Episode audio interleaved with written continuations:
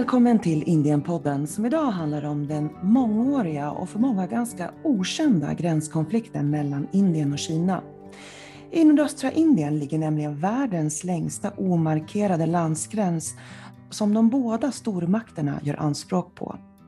Den militära upprustningen pågår i tysthet på båda sidor i den unika bergsregionen som i Indien kallas för Arunachal Pradesh och i Kina kallas för Sydtibet. Infrastrukturen byggs ut i en rask takt och inte minst smältvatten från Himalaya är något som de båda länderna vill åt. Jag heter Julia Vreus och har pratat med Mirza Zulfikur Rahman som är forskare baserad i delstaten Assam. Och han har även varit inbjuden till Sverige via SASNET, Swedish South Asian Studies Network, som tillsammans med Utrikespolitiska institutet producerar denna podd genom South Asia Initiative. Och med mig har jag också författaren, journalisten och Asienkännaren Bertil Lintner som varit baserad i regionen under hela, så gott som hela ditt yrkesliv. Nu, precis nu är du i Dalarna, men vanligtvis bor du i Thailand. Jättevälkommen till eh, Indienpodden, Bertil Lintner. Eh, tack. Hur kommer det sig att gränsen mellan Indien och Kina är omarkerad i den här regionen? Ja, det är svårt att säga vad det beror på. Det, det har aldrig varit ordentligt markerad. Och det har också mycket att göra på vilken ställning man ska ge Tibet. Därför att 1911-1912 så var det gränsförhandlingar i då brittiska Indien med Kina och Tibet. Britterna ville då ha vad man kallar vattendelaren på Himalaya som gräns och det skulle kunna säga det är den naturliga gränsen. Och det gick tibetanerna med på, men inte kineserna. Kineserna menade att Tibet hade ingen rätt att skriva under sådana avtal med Storbritannien.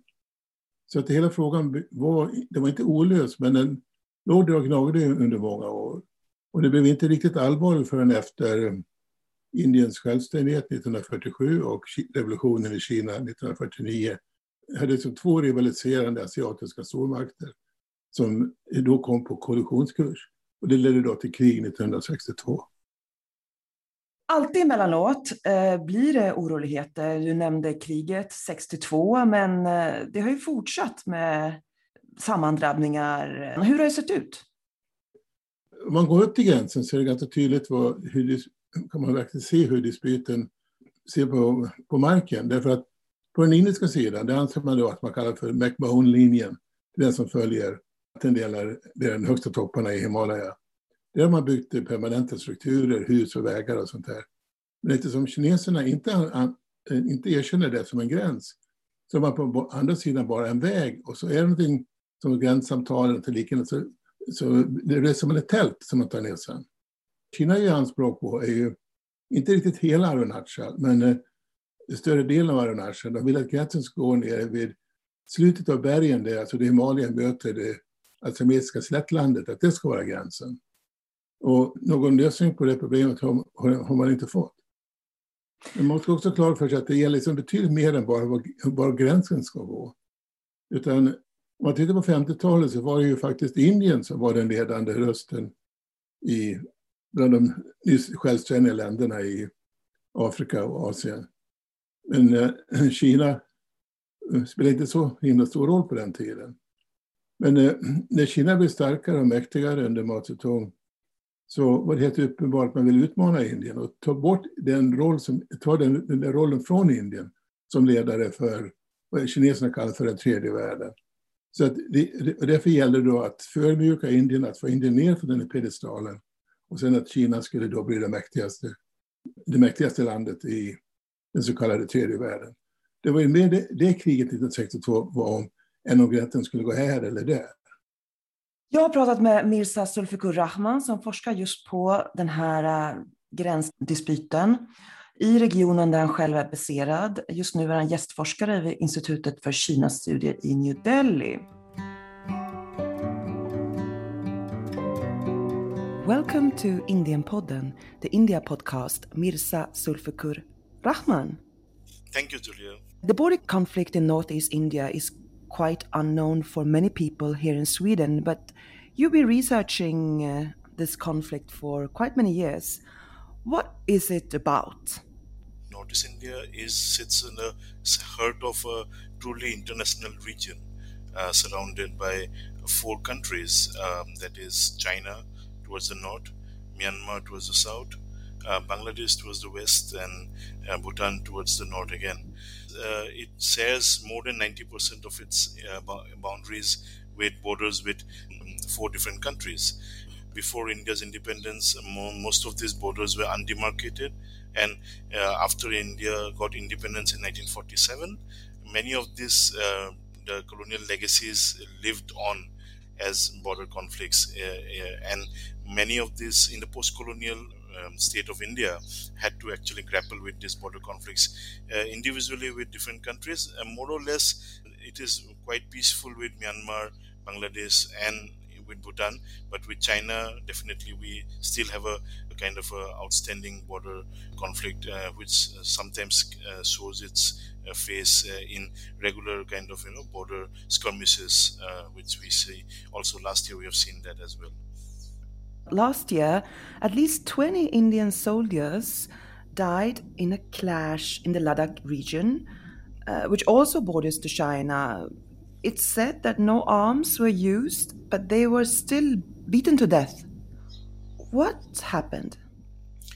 basically we had had a war between India and China in 1962, and ever since that war, this uh, conflict has been on and off, uh, uh and many border skirmishes have happened along the long line of actual control, which we call it. There were kind of uh, you know building up of uh, for Indian armed forces and the Chinese armed forces on both sides, and uh, the border conflict is a matter of perception of the uh, armies uh, who are on the ground. And there was a difference of perception of where uh, actually its position was to be. And this conflict actually emanated from there. What you call about, you know, that there was very unorthodox uh, arms that were used by the Chinese army on Indian soldiers, which were clearly uh, prepared in advance and because this kind of unorthodox arms do not really come out of nowhere what was the unorthodox arms that were used? The unorthodox arms were in the sense uh, they were clubs, um, you know, blunt objects that were used, you know, specially designed uh, blunt objects which were carried by the Chinese army to inflict uh, heavy casualties uh, on the and that is why we see the result without being without gunfire uh, a lot of indian soldiers were killed and that that shows you know how you know this was well prepared in advance. Ecologically, this region, Northeast India, is very sensitive. There's a lot of unique freshwater resources, and this water is essential for both countries, China and India. How does that affect the relationship between the countries? The border dispute between India and China and the uh, water issue, the ecological issues are quite interlinked. And basically, uh, a lot of the resources that are there, that monsoon rains that actually go they only are limited to the Indian part of Arunachal Pradesh. In, uh, it does not reach the Tibetan plateau. So a lot of the water resources that gets added to these kind of river systems is actually within India, Indian territory, uh, and therefore the border dispute that, that China, China, claims the territory of Arunachal Pradesh as its own is also related to freshwater resources. So uh, these two uh, issues are quite intertwined. How are the people who are living eh, in the bordering areas in China, Myanmar, and India interacting with each other? After India's independence, the borders, um, Northeast India and its neighboring countries, became a bit more harder than they were before because of the dilemma of the Indian nation state as well, because they also could not trust the neighboring countries and therefore the borders were more hardened in terms of security. All of these communities have transboundary linkages to communities across the border, you know, at a community to community level. So these have always remained in spite of the the sovereign concerns of India and China example, I would give you an example of mountain shepherds who take their sheep to graze in the high altitudes in Arunachal Pradesh, go to some place uh, to graze their sheep and do not even realize that they are in China. Many shepherds sometimes are also arrested by the Chinese army but later released. So these communities have always maintained those traditional linkages. There are many markets actually. There are many uh, local markets which actually happen right at the border, where uh, people from both sides actually come and participate in those markets. How are these people affected by the increased tension?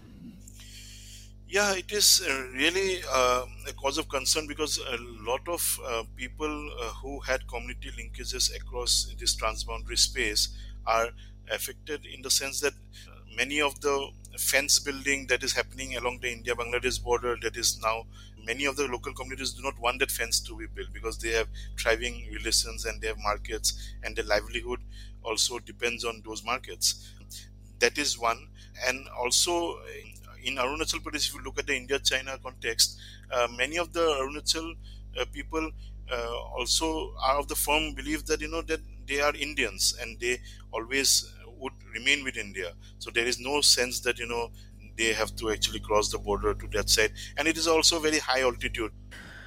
Uh, this is not traditionally a Hindu uh, region. Hinduism hasn't been historically the majority religion, but nowadays there are more temples, Hindu temples built, and uh, Hinduism is more present. What's your experience on this? So it is a very sensitive topic in terms of how religion is seen in Northeast India. In Northeast India, most people uh, were animist. Animism was their kind of dominant, you know, religion. A lot of uh, the indigenous communities uh, followed animism, and even today, when if they are called Hindu, even if they are called called Christian or Muslim, uh, in many of these indigenous communities, they do not really follow any religion in its puritical form. Uh, it is always a hybrid form that you know that they follow their religion because they always maintain the kind of traditional um, you know rituals or observations that in they were there in the animist religion and traditions. So they always keep that and also follow some of the hindu rituals and some of the christian rituals and some of the muslim rituals uh, or even buddhist rituals. Also is a contribution of the american missionaries who brought education and health to many of these uh, communities who also brought religion to them. But in the sense in today's times there is definitely a kind of a reassertion of this Hindu identity. This is also seen as a kind of a intrusion into their kind of spaces which were more spiritual than uh, religious in nature uh, and more connected to the local ecology than any other mainstream religion can actually provide. How likely is it that the tension between China and India will increase the incoming years? It is uh, definitely increasing over the past few years, uh, and it might also increase more. But then the also there is a possibility of it also decreasing in a sense because if there is the boundary dispute, the boundary talks also reach some sort of resolution. Uh, but then the economic interdependencies between India and China is quite huge uh, in order to actually allow this conflict to get out of hand. So I believe that, you know, always strongly believe that the economic interdependencies between India and China is quite strong. And that will not really allow this to go out of hand too much. What could be the worst case scenario? I would not talk in terms of the worst case scenario, but uh, for me personally, the worst case scenario is environmental degradation. Uh, I would not talk in terms of actual conflict, in terms of, but long term environmental degradation uh, which is actually being put into motion by a lot of these uh, big intervention projects. Uh, climate change um, impacts also are compounding a lot of this envir- environmental uh, damage that has been caused by this kind of interventions over time. And uh, pe- communities now uh, have to face disaster on a regular basis. In Assam, for example, the floods are becoming catastrophic year by year. So, Northeast India as a whole, I would see the larger question of ecological uh, disasters is much more uh, urgent than with you know any other security related international uh, with with its neighbors or something. But that needs to be addressed uh, not only within the nation of india but at a transboundary level. Because if we do not address this as a transboundary level and make a sub-regional or kind of a regional alliance tackle ecological issues, the larger Himalayas will suffer, as I said before. In that sense, I feel that is the worst case scenario. Thank you, Mirza Sulfikur Rahman, for being a part of Indian Podden. Thank you so much. It was a pleasure to talk to you.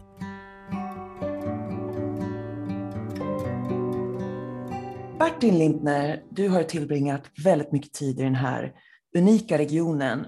Hur var ditt första besök i nordöstra Indien? Ja, den första gången jag var där var jag faktiskt inte ens journalist. Jag var bara där som resenär och jag besökte olika platser.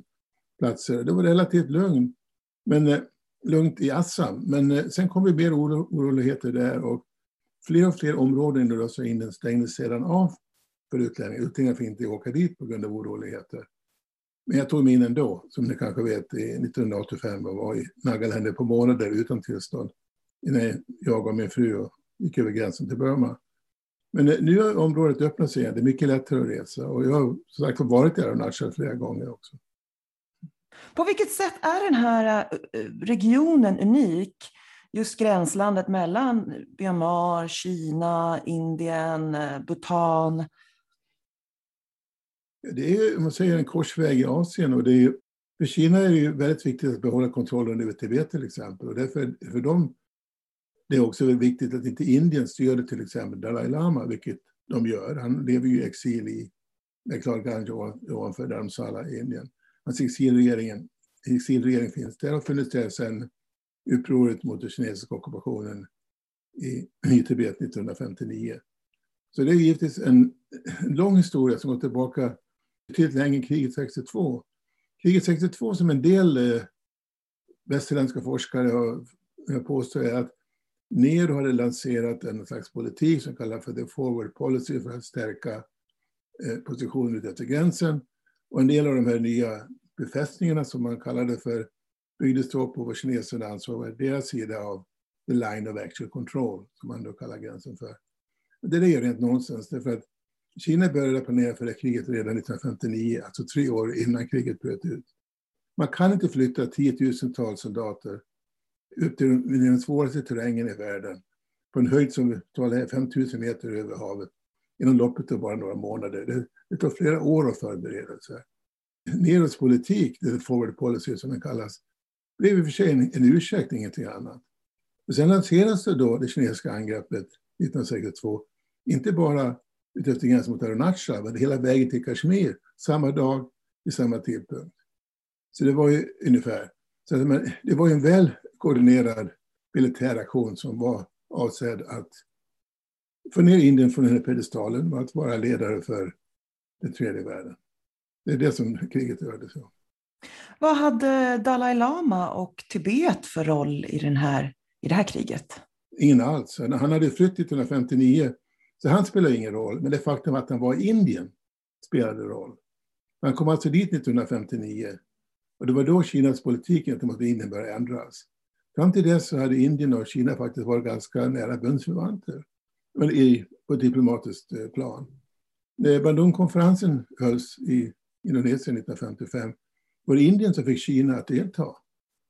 Man skickade till och med flygplan för att hämta upp Chou Enlai. Man pratade om eh, uh, Indien bye bye, vi är bröder, Indien och, Indien och, och Kina. Men uh, det, det tog slut och 1959 typ- när Dalai Lama flydde till Indien. Så vi får komma ihåg att vid den tidpunkten så genomgick Kina en väldigt djup kris. Eh, Mao Zedong hade lanserat vad som kallas för det stora språnget framåt. Där Kina skulle industrialiseras på rekordtid. Det blev inte riktigt så. Det blev hungersnöd och massvält istället. Miljoner människor dog. Och Mao Zedong var faktiskt på väg ut ur kommunistpartiet vid den tidpunkten. Men då är det absolut väldigt passande att man eh, hittar en, identifierar en utomstående främmande fiende som alla kan enas emot. Och då hade man två argument. Det ena var Dalai Lama som nu hade etablerat sig i Indien. Och det andra var då den här gränsen som man inte någonsin hade kommit överens om var den skulle gå. Skulle du säga att eh, Kina, eller eh, vad ska man säga, den här spänningen mellan Kina och Indien, är, är den egentliga oron i regionen eller är det Indien och Pakistan som ju man pratar mycket, mycket mer om. Jag tror det är mer Indien och Kina, för Pakistan är ju en kinesisk allierad och inte så mycket mer än det. Den här, hela konflikten mellan de två länderna har ju bytt karaktär och utvecklats sedan 50-talet och 60-talet. På den tiden var det då kampen om den tredje världen, Kina stod för världsrevolutionen och så, och så vidare. Kina vill inte exportera revolution längre, de vill exportera varor och bli en ekonomisk stormakt. Är man en ekonomisk stormakt måste man också ha ett militärt paraply för att skydda den positionen på världshaven till exempel. Så därför har Kina nu blivit en global handelsmakt och politisk makt som ingen kan ignorera. Och samtidigt så har då Indien börjat utvecklas ekonomiskt på ett sätt som vi inte sett tidigare. Så vi ser då den här kapplöpningen mellan de här två asiatiska stormakterna. Och gränskonflikten och kampen om vattnet och så vidare, det är bara ett tecken på den, på den rivalitet som råder mellan just Indien och Kina. Vad är den största liksom, skiljelinjen mellan Indien och Kina just nu? Eller vad är det man inte är sams om? Det är väldigt lite man är sams om faktiskt.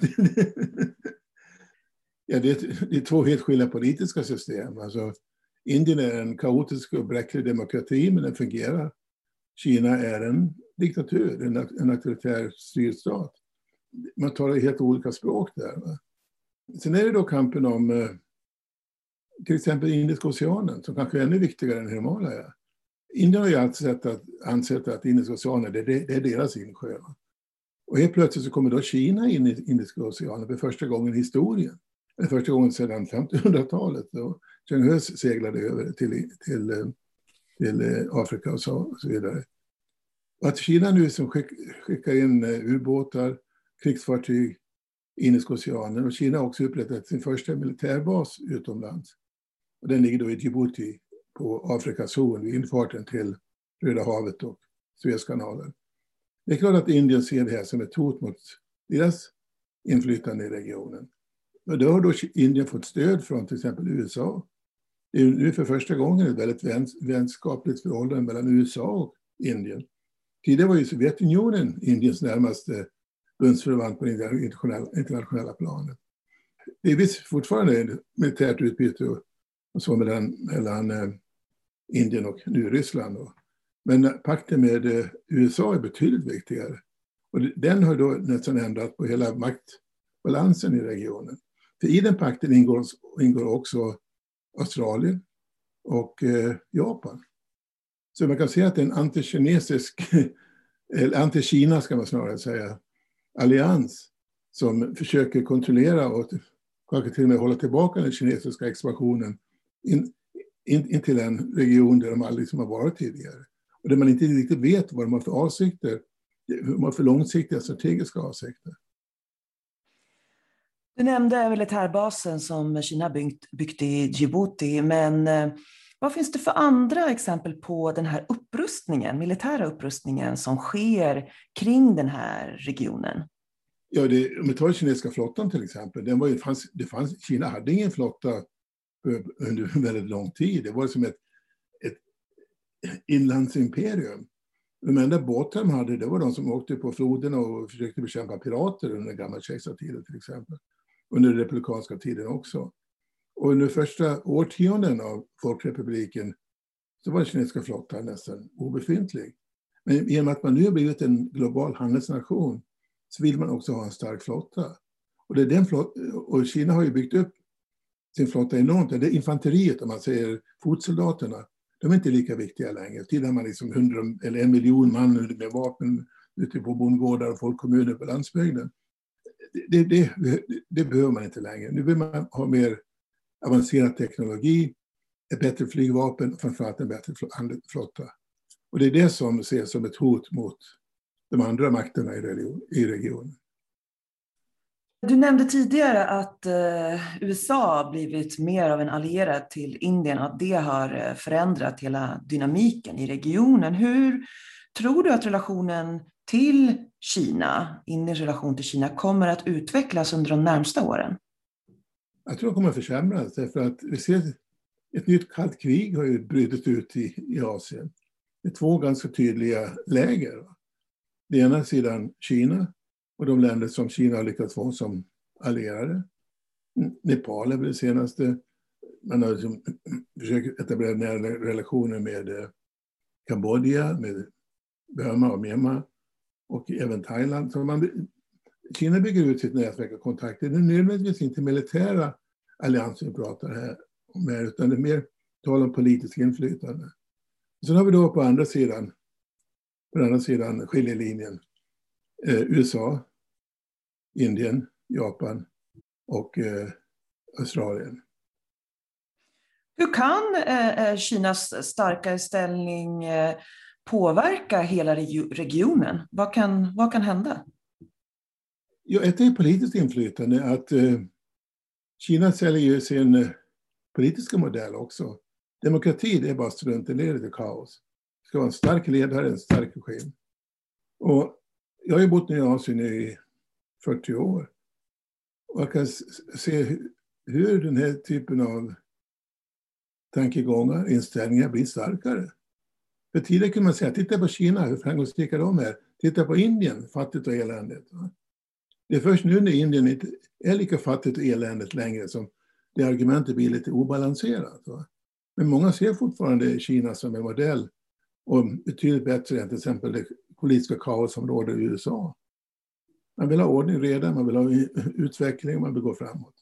Och då kanske det är bäst att man har en diktatur. Eller om inte en diktatur så åtminstone en auktoritär regim.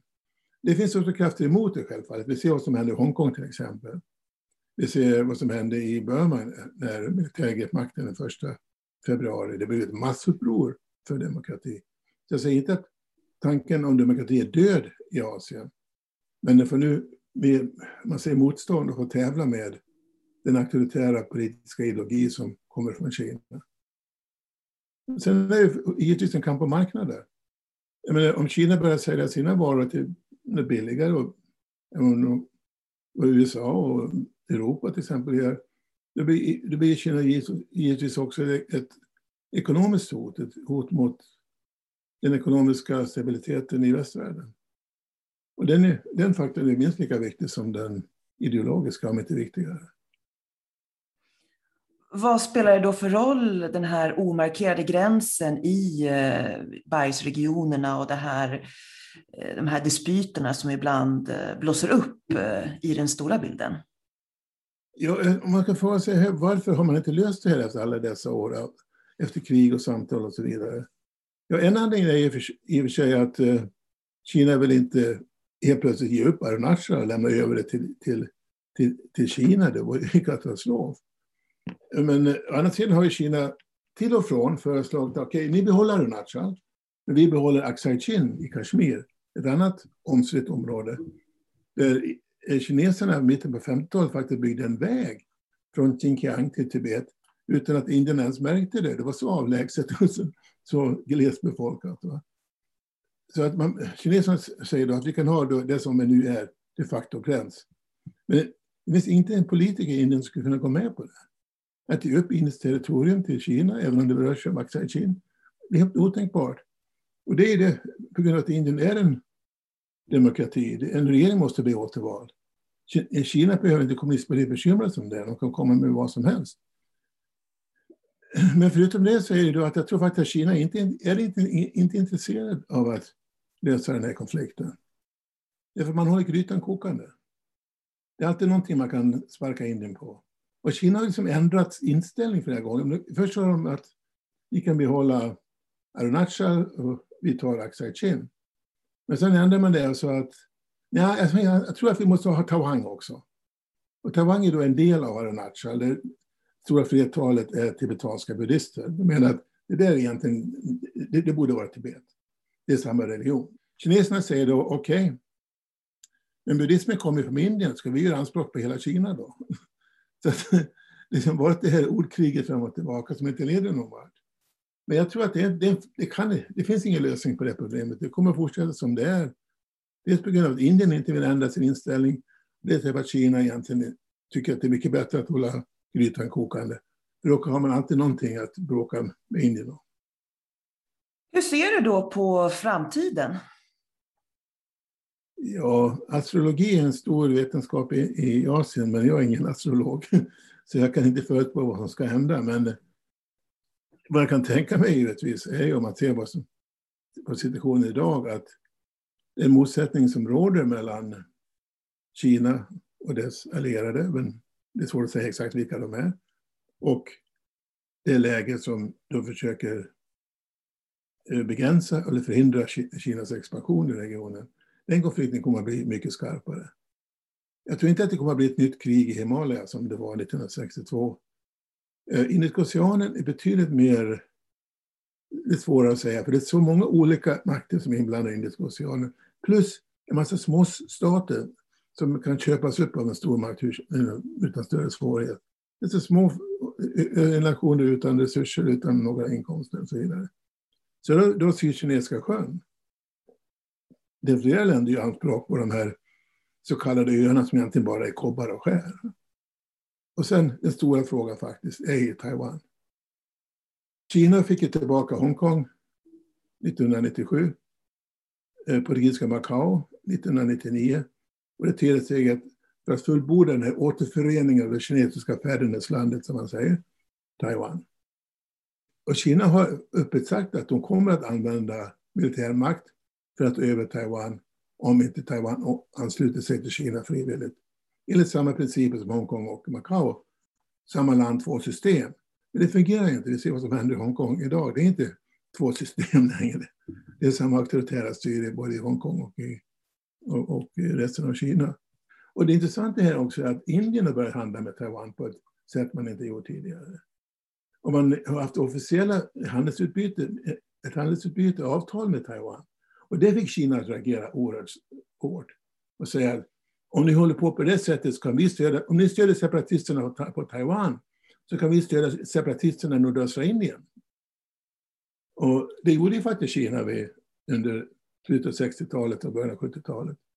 De gav ju vapenhjälp till Nagas och Misos och Manipuris. Och eh, de stred för någon slags självständighet för de här stamområdena i nordöstra Indien. Men om det var tomt hot eller bara det är svårt att säga, men det är första gången Kina har kommit med den, den typen av hot mot, mot Indien. Därför att Indien och Taiwan etablerade handelsrelationer officiellt. Och då är det väldigt bra att ha den här gränskonflikten att gå tillbaka till. Ja, men titta här, vi har ju vi har gränsen också. Var, varför håller ni på att bråka där? Och sen börjar man då eh, snacka om Sydtibet till exempel, istället för Arunachal. Och de som kom från den delen av Indien och reser till Kina, så behöver de inte visum. Detta var ju del av Kina enligt Kina. Dels så fick de ett litet papper tryckt med in i passet som visar att de var tillbaka till fäderneslandet. Det var ju en enorm förolämpning mot även indiska arméofficerare som skulle besöka Kina och kom från den regionen. Hur påverkar då den eh, indisk-kinesiska gränsdispyten de människorna som faktiskt lever eh, vid gränsen? Ja, faktiskt inte så himla mycket, utom när det är eh, någonting som kan liknas vid en upptrappning av eh, det militära läget. Det har inte varit några riktiga krig sen. Alltså 1967 så brakade Indien och Kina ihop igen i Sikkim. Och den gången så slog Indien tillbaka Kina på ett sätt som jag tror inte kineserna inte hade väntat sig. 62, det var en överväldigande kinesisk seger. Eh, Indiska armén flydde ju ner till Assam men lämnade hela området öppet för kineserna om de ville, ville gå vidare in i Indien. Men Kina hade aldrig för avsikt att göra det. De ville bara visa att vi är mycket starkare än vad ni är. Så de hade, de var aldrig att ockupera det här området. Men en del sa ju också att Åh, de kommer nu att ta över oljefälten i Assam och så vidare. Det ingick inte i planen. Det var en helt annan strategi, en helt annan tankegång bakom det här kriget 62. Men då har vi då 67 som var en i Sikkim. Men inte lika stor givetvis. Men eh, det fick faktiskt kineserna stryk. Va? Sen på 80-talet var väldigt nära vid kriget ett par gånger. Men reser man i de här områdena så tror jag folk de, de är vana vid det här. Va? Jag har varit upp till eh, Taiwan flera gånger, jag har varit upp till Bumla, precis på gränsen till och the line of actual control. Det var exakt i Kina, Indien. Folk bor där, de lever ganska normala liv andra sidan gränsen i Tibet så har vi sett en stor ekonomisk, ekonomisk utveckling sedan Kina invaderade Tibet på 50-talet. Men politiskt sett är det ju en helt annan fråga. Och det är ju tiotusentals tibetanska flyktingar som bor i Indien. Och de kom tillbaka med berättelser om förtryck. Kina försöker flytta etniska kineser i Tibet för att reducera, eller försöka få tibetanerna att bli minoritet i vad de anser vara deras eget land. Så situationen i Tibet är ju helt annorlunda, men jag har inte varit i Tibet så jag kan inte svara exakt på vad folk tycker och tänker om det där. Vi har träffat många tibetanska flyktingar i Indien. och De har berättat fruktansvärda historier om den kinesiska militärens framfart. Stort tack för att du var med i Indienpodden, Bertil Lindner.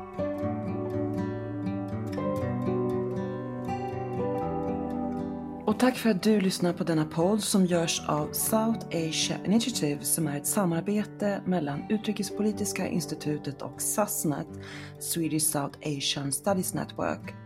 Du kan också lyssna på Utblick som är vår systerpodd som tar sig an aktuella och historiska utrikespolitiska frågor. Podden görs av Utrikespolitiska institutet och kommer ut på fredagar varannan vecka och finns där poddar finns. Tack så mycket, hej då!